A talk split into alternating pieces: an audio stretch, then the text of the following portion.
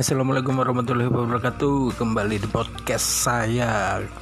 Bercerita soal keseharian saya Bekerja, pulang, tidur, dan bekerja.